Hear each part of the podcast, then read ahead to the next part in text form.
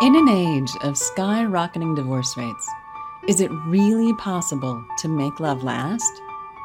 Welcome to the Falling in Love Forever show with doctors Barbara and Michael Grossman, the well known relationship experts and best selling authors of The Marriage Map book. Each week, they share the latest information to help you enjoy your romantic partnerships so you can fall in love forever. Here are your hosts, Doctors Barbara and Michael Grossman. Hi, I'm Dr. Michael Grossman. I'm an anti aging specialist, and I love keeping people young and healthy. And this is my lovely wife. I'm Dr. Barbara Grossman. I'm a marriage and family therapist. And today we're going to talk about how to create more sexual intimacy in your marriage. And so, to begin talking about it, I'm going to ask Dr. Barbara to say a few things.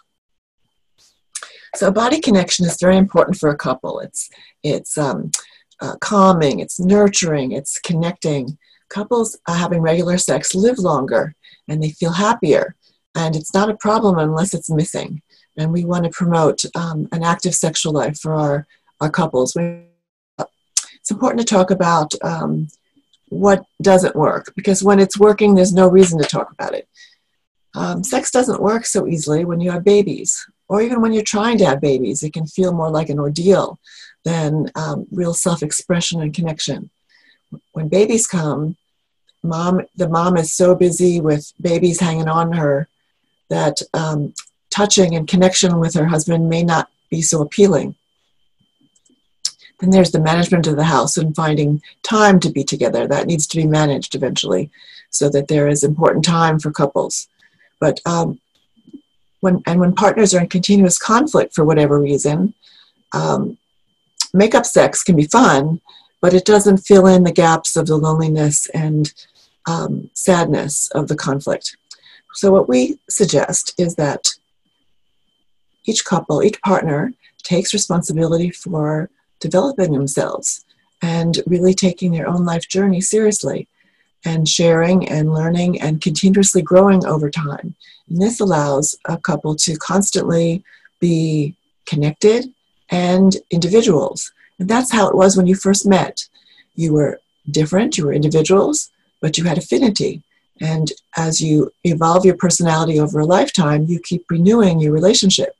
And the excitement goes along with that.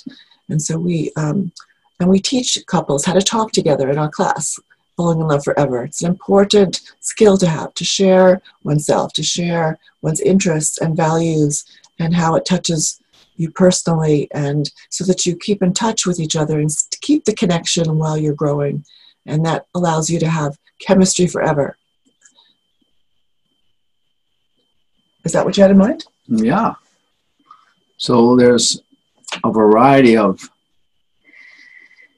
things we need to do to maintain that sexual intimacy, as Dr. Barbara's describing. These are very important things to keep in mind. So, for a man and woman, as you get older, there is the issue of the physiology. So, when women go into menopause, 45, 55 years of age, their hormones change pretty suddenly, and they may need to come to see me for help to balance out their their hormones that are have been lost that are very important to maintain normal sexual functioning. For men, it's a more gradual process that can, over a period of years, it slowly gets less and less and less. It happens just like with a woman, but it's very slow to happen every 10 years, there's a lot less hormones for a man than they had 10 years earlier.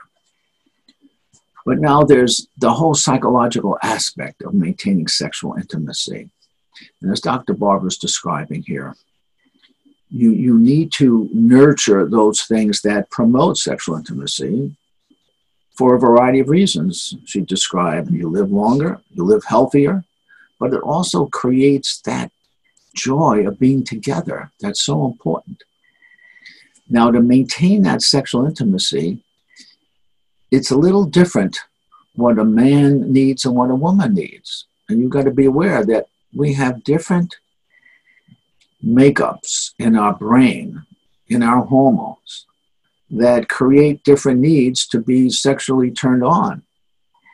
For a man, a man needs to feel respected and appreciated for what he does in terms of respect.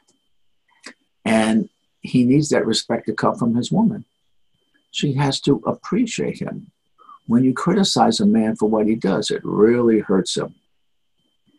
So I remember an example I share about is when um, fixing some phone wires. Back in the old days, we didn't have all these phones, but you had a wired phone in the house, and I and I wanted to put the wire under the carpet because Barbara said it was an eyesore. She wanted me to put the wire that went from the bedroom into the bathroom and so on, and to, and to make it look better.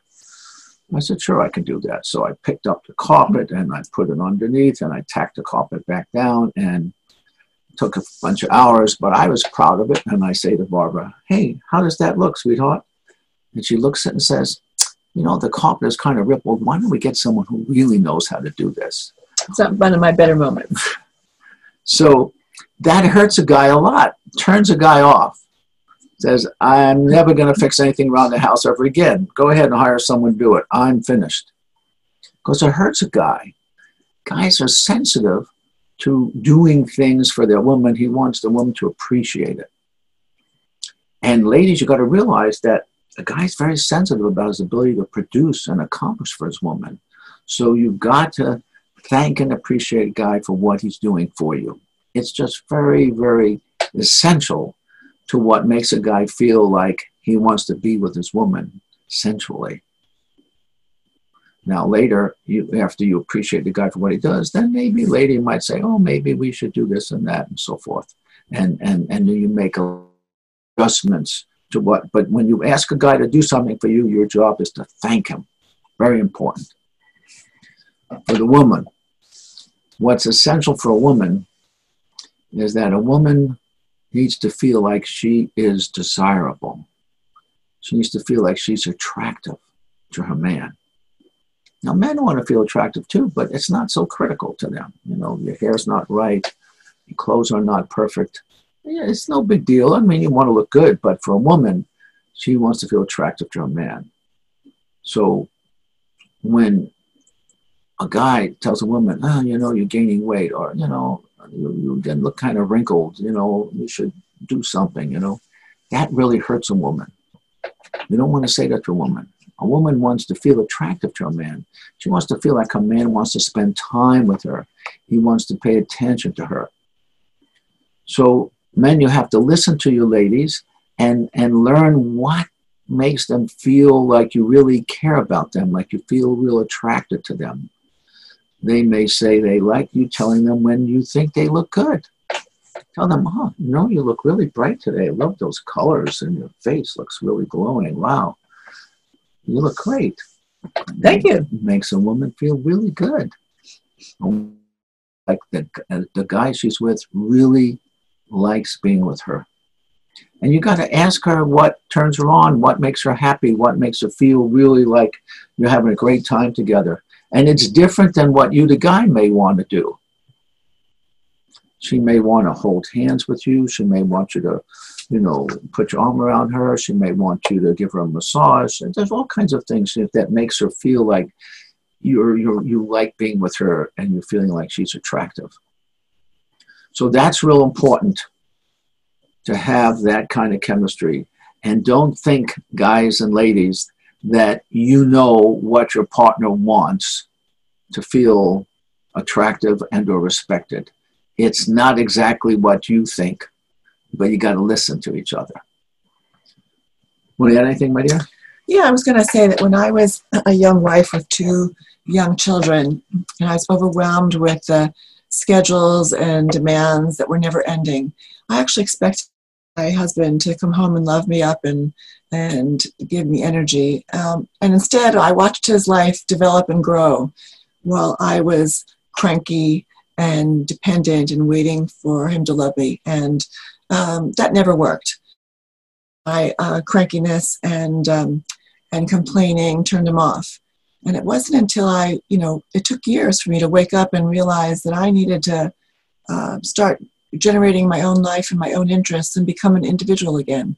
And that's what got us on the road together and um, reconnecting with that energy. It's important that you you understand the role of personal development in keeping a partnership exciting and connected and sexually invigorated. Uh, we want you to um, we want you to uh, t- take that as a project and um, consider learning with us at Falling in Love Forever. It's a course that involves um, four sessions plus an additional um, uh, bonus session, and we teach skills that has you learning and growing and getting back on track together. So it's a real pleasure to spend time with you.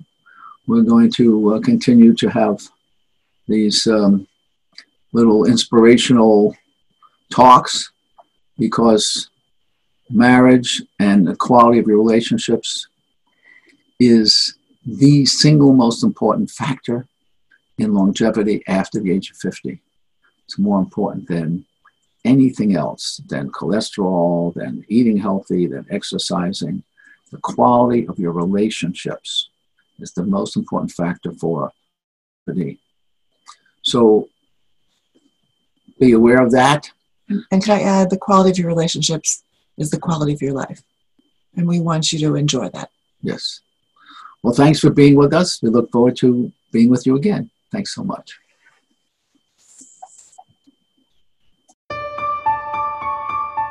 Thank you for watching the Falling in Love Forever show with doctors Barbara and Michael Grossman. Join us next week for another informative discussion to help you keep your love alive. Be sure to visit us at themarriagemap.com or find out about our relationship classes at fallinginloveforever.com.